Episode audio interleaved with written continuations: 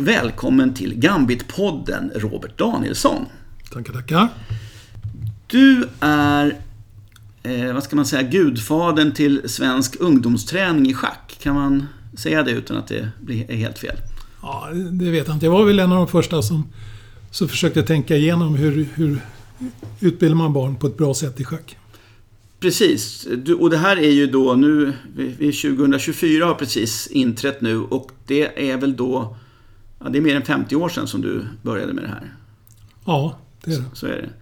Och då är vi på 70-talet i Sverige va? och då menar du att då tränade man inte barn på något bra sätt? Eller vad, vad var skälet till att du kände att nu ska jag ta tag i det här och bli en, ja, en bra tränare för barn? Jag... eh, Frågan är hur det kom från början. Det var jag eh, och några, några med mig eh, startade i Kristallen med eh, ungdomsträning. Kristallen schackklubb i. Stockholm. Som, ja. Och eh, vi undrade hur, hur vi skulle göra det på ett bra sätt. Och vi hade haft lite träning innan sommaren. Och sen på sommaren så skulle Lars Hilke, som bor i Skellefteå numera, han och jag skulle göra en eh, popopera. Så vi, eh, Som man gör. Ja, precis. Eh, så vi ordnade så att vi kunde bo i en lada uppe i Västmanland och ägna sommaren till det där. Och samtidigt så skulle vi göra en artikel till klubbtidningen då vi skulle sätta in några ställningar som, till, till ungdomarna då, som de skulle kunna ha och lösa. Eh, och då började vi fundera på den där hur vi skulle göra och hur, hur de där ställningarna, vad som var lättare och svårare. Och vi blev så fascinerade där så att det blev ingenting av popoperan. Däremot så blev det schackträning. Kanske var lika gott det då. Men jag vet inte, det hade varit spännande att, att, att lyssna på, på den. Men, men ni var schackspelare, du spelade Ja, liksom schack och, och här var du någonstans i, i 30-årsåldern? Nej, du var, nej, nej, 25-årsåldern ja, kanske snarare. Inte, ganska- inte, ganska- inte ens det. Ganska unga. Ja, Ja, så, oh ja. Precis, så att det var... Och då så... Eh, ni sitter alltså i en lada i Västmanland och försöker hitta på schackställningar till en klubbtidning och tänker att det här var ju svårare än... Ja, om vi ska ta det på allvar så blev det ganska svårt. Mm. Och vad, vad hände sen? Ja, sen, sen så på hösten så körde vi igång med, med träningen i Kristallen. Och eh, eh, hade ett, ett eh, gäng ungdomar som kom. På den tiden var det lite lättare att rekrytera. Vi satte upp en affisch i, på stan och så kom de sen. Men eh, det, var, ja, det rullade på där och vi tog fram en träning och hur vi skulle vara och vi testade och körde det där. Och sen när vi kom till nästa sommar så presenterade vi det för Lasse Bäckström i Sveriges Schackförbund. Så han var riksinstruktör och ansvarig för utbildningen i hela Sverige då. Ja. Och han eh, tände på det där så att vi fick en beställning att göra ett material som blev Brokiga blad om schack. Och då, gjorde, då, gjorde, då fick ni göra det här på ett lite mer organiserat, ännu mer organiserat sätt och, och ja. göra det till ett liksom utbildningsmaterial som då skulle användas i hela Sverige. Yes. Eh, och det blev av. Ja, Ja, och det användes ganska länge tror jag till och med, de här brokiga bladen. ja, de, är- ja. Nu, nu så ser man dem sällan. Men, de, men sen utvecklades de till lite, ett par andra material som var ännu Ja, mer ja. använda tror jag. Var Ja. det de här, eh, vad hette de materialen då? Det kommer inte jag ihåg riktigt. Eh, jag eh, fick ett uppdrag i Arboga. Det är så att Arboga hade väldigt bra ungdomsverksamhet med eh, Göran Malmsten och Björn Johansson. Och eh, sen så skulle Malmsten på en utbildning i USA ett par månader i, i jobbet. Och då så hade de så pass mycket ungar så att de visste inte riktigt hur de skulle klara det där. Och då frågade de om jag kunde komma ett halvår eller ett antal månader och jobba med det där. Och då ville de beställa samtidigt ett material som vi, de kunde lära, eh, eh, använda för att lära sjuåringar att spela schack. De hade en massa sjuåringar men det var, det var kaos för att de fick ingen ordning på det där. Och eh, jag ställde upp på det där, tyckte det var spännande. Och det blev sen en serie på äventyr i Schacklandet. Schacklandet, precis. Med eh, Snigen, Igelkotten, Schackegojan och Pingvinen. Schackegojan. Ja, precis. De där kommer jag absolut ihåg. Eh, bara så att du, du, du var vikarie för eh, Göran Malmsten som schacktränare i Arboga. Men, och det var för att han hade hittat dig via då ditt arbete i, schackklubben Kristallen. Ja, för Sveriges Schackklubb. Och, och, just det, och sen så småningom då Sveriges Schackklubb, precis. Och eh, den eh, vänskapen och samarbetet med de här personerna tror jag har, har gett dig ganska mycket. Ja, Ni har gjort absolut. mycket ihop sen ja. dess, eller hur? Ja. Och Göran har återkommit och beställt material. Så mm. Eh, det, det, det, har varit väldigt givande. Mm. På Äventyr i Schacklandet och Brokiga blad. Och eh, du har ju skrivit sen efter, och det här är ju 70-tal, tidigt 70-tal vi pratar om nu någonstans va? Och eh, sen dess har du skrivit böcker och utbildningsmaterial och så en masse. Det blev sen också, det där Gabieux tror jag många har stött på som har varit, gått i schackklubbsundervisning. Eh, var det också någonstans här som det materialet kom, kom fram? Mm. Eh, det var slutet av 70-talet då jag eh, eh, gjorde ett material för att lära ut eh, fem knep i schack. Gaffel, avdragare, bindning, instängning, överlastning. Tar man första bokstaven där så blir det Gabieux. Gabieux, precis som sagt. Och då, när jag började med det, så satte jag mig hemma och så gjorde jag 120 ställningar. Eh, som då skulle bli svårare och svårare. Och eh, man kan göra skrivbordsarbeten men de blir ofta inte särskilt bra. Så att eh, man måste ut och testa. Så jag testade det där. Jag hade massa ungar som jag, jag hade... Varje dag hade jag schackgrupper. Och efter eh, tre år så hade jag ändrat 118 av de 120 okay. ställningarna. Ja, du menar för att de var inte så pedagogiska Nej. som du ville att de skulle vara? Ja, eller precis. kanske så. Eh, ibland ska det finnas, det måste finnas en enkel, en lösning, inte två lösningar. Det ska vara de här knepen då som du nämnde, mm. ska ju vara naturligtvis så tydliga som möjligt så att man lär sig, lär sig dem då. Så att, ja, det var bra. Och det där tror jag väl kanske en, en av de grejerna som du har gjort som kanske många andra inte gör. Att just göra ett, ett material, ett, någon slags bruttomaterial av något slag och sen så ut och testa den och sen mm. så eh, är det klart så att säga efter testet. Mm. Eh, har det varit liksom en medveten strategi? Eller? Ja, absolut. Det, det är så. Det som har drivit mig mycket är att försöka förstå vad är det som är lätt och vad är det som är svårt och vad är det som gör att det blir lätt och svårt. Mm. Och det kan, då måste man testa mycket för att liksom förstå det. Vad är det som gör att det är lätt och svårt? Alltså, alltså, jag fattar att det inte finns något generellt svar eftersom det är massa olika saker. Men kan du bara så att, först, kan du ge någon typ av exempel som gör att, man, att det går att förstå vad du menar? Eh, först så, om man ska lära sig schack så lär man sig hur pjäserna går. Mm. Och det är ju linjärt att de, de, eh, de flyttar sig var och en. Sen så måste man lära sig hur man vinner och det är med matt. Mm. Och det är svårare för det är inte bara, då måste man se alla rutor runt kungen, att kungen inte kan gå dit. Så det är en samarbete mellan pjäser för att kunna göra schackmatt. Just det. Så där är nästa steg när man börjar samarbeta med pjäserna. Och eh, en, en av de enklare sen när man ska vinna pjäser är dubbelslag. Jag slår en pjäs, han tar tillbaks och jag tar igen. Just det. Så att du är en, en, en, en mer som hotar än, än vad motståndaren har som skyddar, så att säga. Ja. Och sen kommer vi in på dubbelhot och då är vi tillbaks på de här Gabieux. Och det där är då, vissa saker är då lättare att förstå än andra och mm. det som sagt eh, kunde man då inte veta förrän man hade testat dem. Du eh, hade förmånen under massa år här att jobba med schack på heltid också. Ja. Och hur... Det är liksom så här, det, egentligen, det låter ju helt fantastiskt. Det är inte så många som kanske eh, tror att det är så. Men det var ju väldigt, det var ju en väldigt liksom stark schackkultur i vissa delar av Sverige i alla fall under den här tiden. Så mm.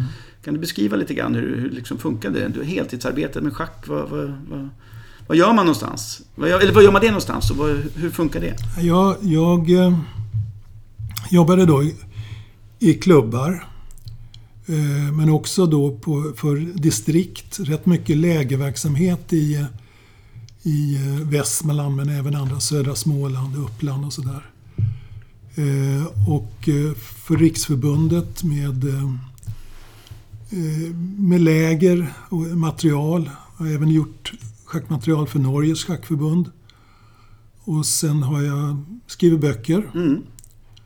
Eh, och eh, ett eh, manus till en tv-serie om schack. Precis, en tv-serie som sändes på, när var det här då? Är vi 80-talet då?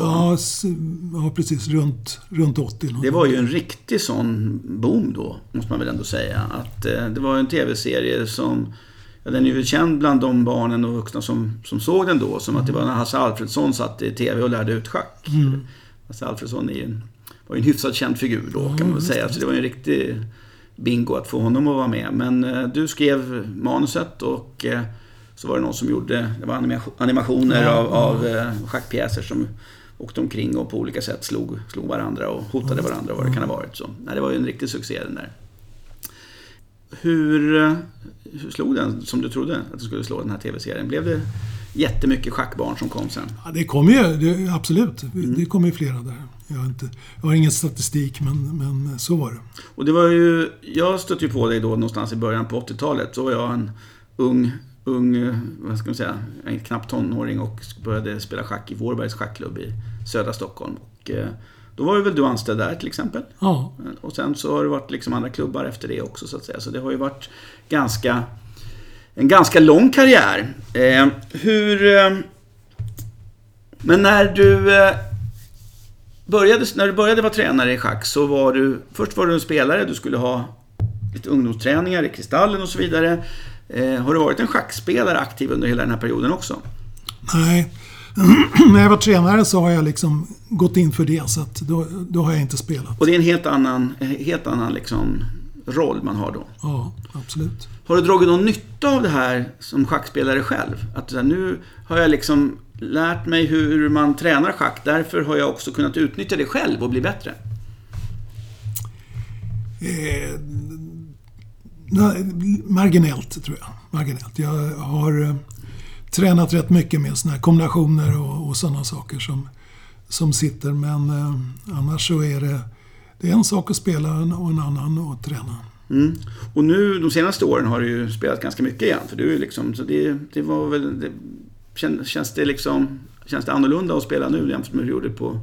När du, när du slutade förra gången så att säga.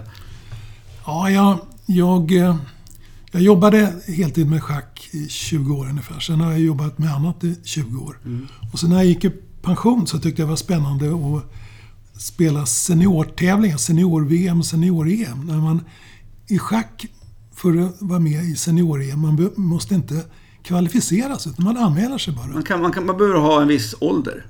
Och, Ja, sen, och, och ja, därmed får man vara med. Ja, just det, det är inte något mer liksom. Nej, nej. Det är ju egentligen helt otroligt. Ja, det är fantastiskt. Då sitter det gamla stormästare som man har läst om där vid borden bredvid. Och någon gång får man möta dem också. Precis, så att du i princip så spelar du om VM-titlar nu istället. Liksom. det, är, det är så. Ja. Kanske inte riktigt liksom där uppe, men, men man vet aldrig. Konstigare saker har hänt.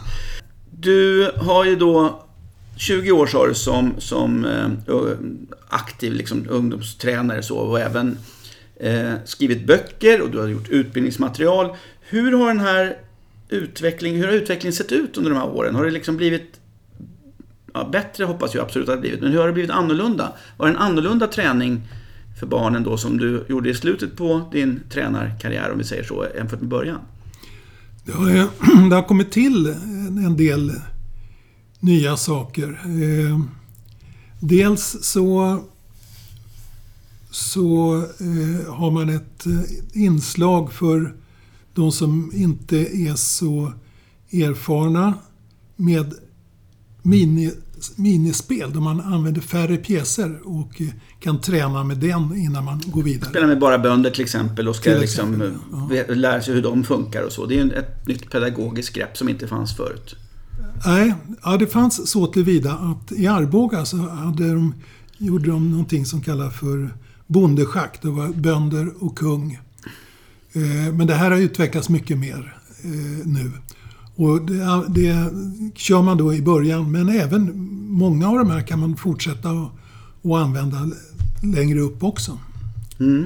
Det är en, en, stor grej. Sen är, det, sen är det ju olika länder som har producerat material. Det är ett eh, holländskt material som, som man, de har lagt ner rätt mycket jobb på att ta fram. Som finns bra idéer, men också andra kan... Just det materialet har vi faktiskt pratat om här i podden eftersom det är en schackklubb i Sverige som, eh, som ambassadör för den i Trojanska hästen i, som ju använder det här materialet från Holland väldigt, väldigt aktivt och väldigt framgångsrikt. Så, att säga. så det, det, det finns ju många, många olika personer. Men, men när du började vara, då var du nästan lite ja, pionjär när det gällde att systematisera utbildningen för barn. Ja. Eh, du nämnde förut, eh, innan vi började, att du har också försökt ta in inslag utanför schacket, så att säga. Så att säga för att, eller vad ska jag säga, få inspiration i hur ska man göra då för att utbilda barn? Att tagit in det, kan du berätta någonting om, om det? Jag läste en kurs på universitetet som eh, ja, i princip handlar om eh, utvecklingspsykologi. Hur barn utvecklas och kognitivt de, hur de kan ta till sig olika saker. Och det här... Eh, så jag blev fascinerad av en schweizisk psykolog som heter Piaget. Som jag, hans tankar försökte jag tänka, vad innebär det här för schack? Och eh, jag... Eh, Piaget är ju en, en av de stora pedagogerna som många, alltså inom lärarundervisning och så, så är han liksom en av dem som man måste ha läst och förhålla sig till i alla fall. Mm. Så det, så det där, då tog jag till mig, eller byggde upp för mig själv ett tänkande med det som grund. Och det, det har jag haft, det hade jag mycket nytta av. Vad, vad hände då? I, när du tog in den här inspirationen utifrån, på vilket sätt ändrade sig då det, det liksom ditt tänkande? Då så eh, tänkte jag schackutveckling som en trappa. Då man går från lättare saker till svårare. Och eh, då man på varje trappsteg behöver ta till sig viss kunskap för att överhuvudtaget kunna gå upp till nästa. Och eh, eh, om, man, om man försöker sig på svårare träning så säger man bara att nej, nej, det är liksom det där förstår jag inte. Det där är, man sorterar bort det bara. Men när man är mogen så kan man liksom gå upp på nästa. Eh, om jag får ta en anekdot här så... Det får man gärna göra. När jag tränade i Kristallen så var det en kille som jag eh, tänkte han kan nog börja förstå det här med dubbelhot och springa gaffel. Så jag höll på att jobba med honom och visade där och ställde... Jag, väldigt mycket har jag jobbat med att ställa upp ställningar då de själva ska försöka hitta. För att om man själv har hittat en, en lösning så sitter det kvar i huvudet på ett helt annat sätt än om någon bara har talat om det. Ja, det. Så han, han grejade det där och förstod springa gaffel. Och så nästa gång så ställde jag upp. Vi hade fyra ställningar när de kom in. Så att de skulle, när de kom, kom till träningen, att de skulle ha något att göra innan vi körde igång ordentligt så att säga. Och då hade jag en springa gaffel där. Och han vart... Men sa han, du har ju lärt ut mitt knep till dem. Det får du ju inte göra. Han tyckte det var ett knep som var, ni hade som er hemlighet. Där. Ja, och det, det där är nog typiskt att du liksom, då var du på väg på nästa plattform mm. där. Va? Så att då... Jag förstår, okej. Okay. Men, men alltså det är ju intressant att du har alltså, du plockat in liksom inspiration från den, vilket ju... Det låter ju inte det låter ju helt rimligt att man, att man gör det. Att man inte försöker uppfinna hjulet inom schackutbildningen. Varför skulle det vara annorlunda mm. än någon annan utbildning? Men det var ju inte gjort innan det här. Mm. Så. Kan du känna liksom ibland att... Eh, varför gör inte alla? Nu har jag ju berättat för er alla schacktränare och schackorganisatörer hur ni borde göra. För jag antar att det finns de som försöker lära ut schack på massa andra, med, med andra metoder. Mm. Jo, jo visst. Men det, det är också beroende på hur mycket tid och kraft man vill lägga ner på att förstå det. Mm. Och det här att, göra, att, att lära barn schack på det här sättet, det handlar ju mycket om barn som vi pratar om när du har, du har liksom jobbat inte så mycket med, ja, men har du liksom haft några riktigt så bra spelare, riktiga stjärnor i, liksom, i din undervisning? Jag har haft på, på lägerverksamhet har jag sådana som har varit bra som senare har blivit bra. Eh, men eh, själva eh, kontinuerliga träningen så har ja, det har blivit att de har eh, varit bäst i Stockholm när de var 12 år. Så ja, ja, men det är, det är inte att leka Nej, men vad jag menar egentligen med, det finns ju en skillnad mellan de som är eh, elit, liksom, även om de kanske inte är elitspelare så är de har de ambitioner och väldigt liksom satsar hårt och vill liksom jämfört med de som kanske inte riktigt nödvändigtvis gör det utan tycker att det är trevligt att gå på schackträning och lära sig lite mer och, och så vidare. Det, må, det måste ju vara en, egentligen är det jag är ute efter. Skillnaden mellan de som är liksom elitsatsande och de andra. Är det någonting som du kan säga att du upplever någon skillnad där? Skillnad på hur man tränar dem? Eller Precis, hur man tränar dem. Hur, man, hur liksom de här metoderna du har, funkar de lika bra för alla grupper om jag säger så? Då?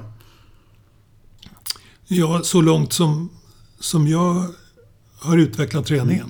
Mm. Men sen springer de ju förbi sen vidare och då får de ju söka sig vidare så att säga. Eller, eller själva upptäcka hur de tränar. Mycket, mycket när man ska bli bra är att man måste själv titta, läsa mm. böcker, kolla på partier och, och sådana saker. Mm. Och det är klart att det är ju, man kan ju jämföra med vad som helst. Men om man tränar fotboll en par timmar i veckan så på träningen då blir man kanske lite bättre. Men man ska nog spela när man kommer hem också. På, mm. För annars att träna lite fler timmar, göra, det, göra jobbet själv.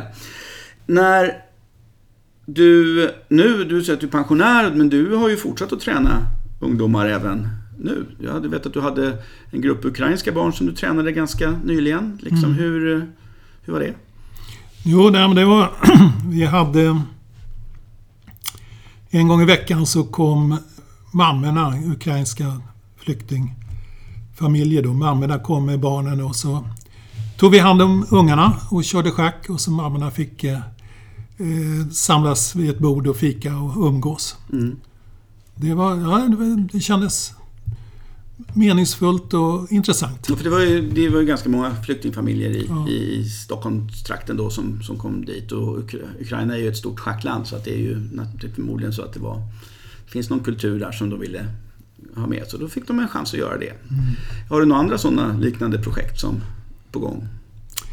Inget som jag har på gång just nu när det gäller träning. Så jag har en, en, en kille från den här gruppen som jag nu Gruppen som sådan är, är avslutad för att eh, försöka integrera dem i, i vanliga schackklubbar. Men det är en kille som jag träffar en gång i veckan och, och tränar. Okej, okay, precis. Men du har projekt på gång. Jag vet att du har en bok som... som ja, finns, alltid, finns alltid ett bokprojekt. Ja. Jo, det stämmer. Hur många böcker har det blivit? Eh, jag har gett ut eh, sex olika schackböcker. Och nu kommer då snart den sjunde då förhoppningsvis. Då. Förhoppningsvis, ja. Så, ja. Och alla är i liksom den genren av, av eh, utbildningsmaterial ja. så att säga på olika sätt och vis. Vad, eh, du tänker så att du har ju liksom varit en i Sveriges, svenskt schack så att säga, bland de som har varit aktiva under de senaste decennierna så är du en ganska känd figur och så. Vad, vad tror du liksom att du har bidragit, vad är det viktigaste du har bidragit med?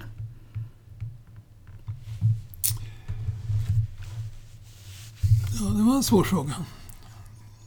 Att... Eh, ja, kanske det, att eh, försöka att ha en struktur, struktur på sin träning. Mm. Och jag skulle kunna faktiskt tänka mig att formulera om det där lite grann. För att det tycker jag var lite för, för torrt beskrivet av dig. Men alltså det är ju att, faktiskt att schackträning är på riktigt. Att det är allvarligt och att man ska ta, det, man ska ta schackträning på allvar. Även fast det är barn. Mm. Och att eh, inte slarva igenom den. Utan gör man det på ett strukturerat sätt så blir det bättre än annars. Och det tror jag att alla barnen som har fått gå igenom den här träningen kan dra nytta av. Och de materialen du använder, jag ser fortfarande schackklubbar som använder det här Gabieux-materialet som ju nu borde vara 40 år gammalt, som uppenbarligen håller fortfarande. Mm. Kanske layouten skulle kunna göras om lite grann. Men, men själva innehållet är fortfarande liksom de här, det var de här 120 ställningarna, där vi ändrade 118 av dem. Som, så. Eh, materialen finns ju och böckerna finns. Det är bara liksom googla efter dem så hittar man dem. Så att eh, vill man använda de materialen så kommer det vara väldigt, det är väldigt enkelt. Det är bara att göra det och jag kan rekommendera det. Eh, för alla som vill lära sig schack eller lära ut schack så tycker jag man ska ta och kolla igenom allting som, som du har gjort. Så då tror jag att man bara blir lite, lite bättre. Tack snälla för att du var med i podden. Tack för att jag fick vara med.